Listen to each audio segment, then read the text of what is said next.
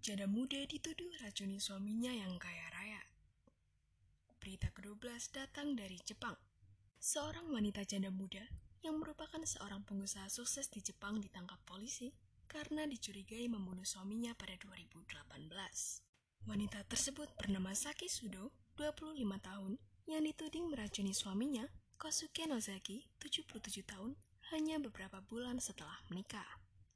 Menurut beberapa laporan, Sudo memberi Nozaki minuman yang dicampur dengan racun.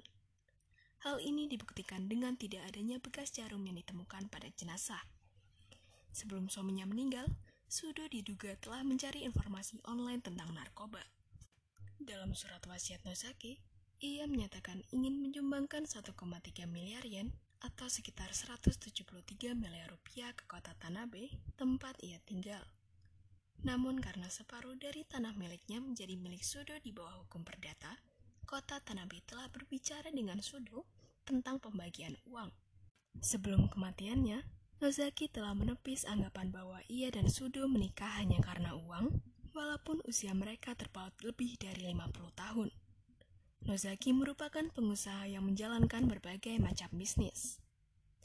Dalam sebuah pernyataan yang ia tulis, ia mengaku akan bahagia dengan menikahi Sudo. Mereka bertemu di Bandara Haneda, Tokyo, dan meminta Sudo untuk membantunya saat terjatuh. Nozaki mengatakan bahwa ia mulai menjadi terkenal di Jepang setelah insiden pada tahun 2016. Insiden ini di mana seorang wanita berusia 27 tahun yang ia kencani mencuri uang dan barang senilai 60 juta yen darinya.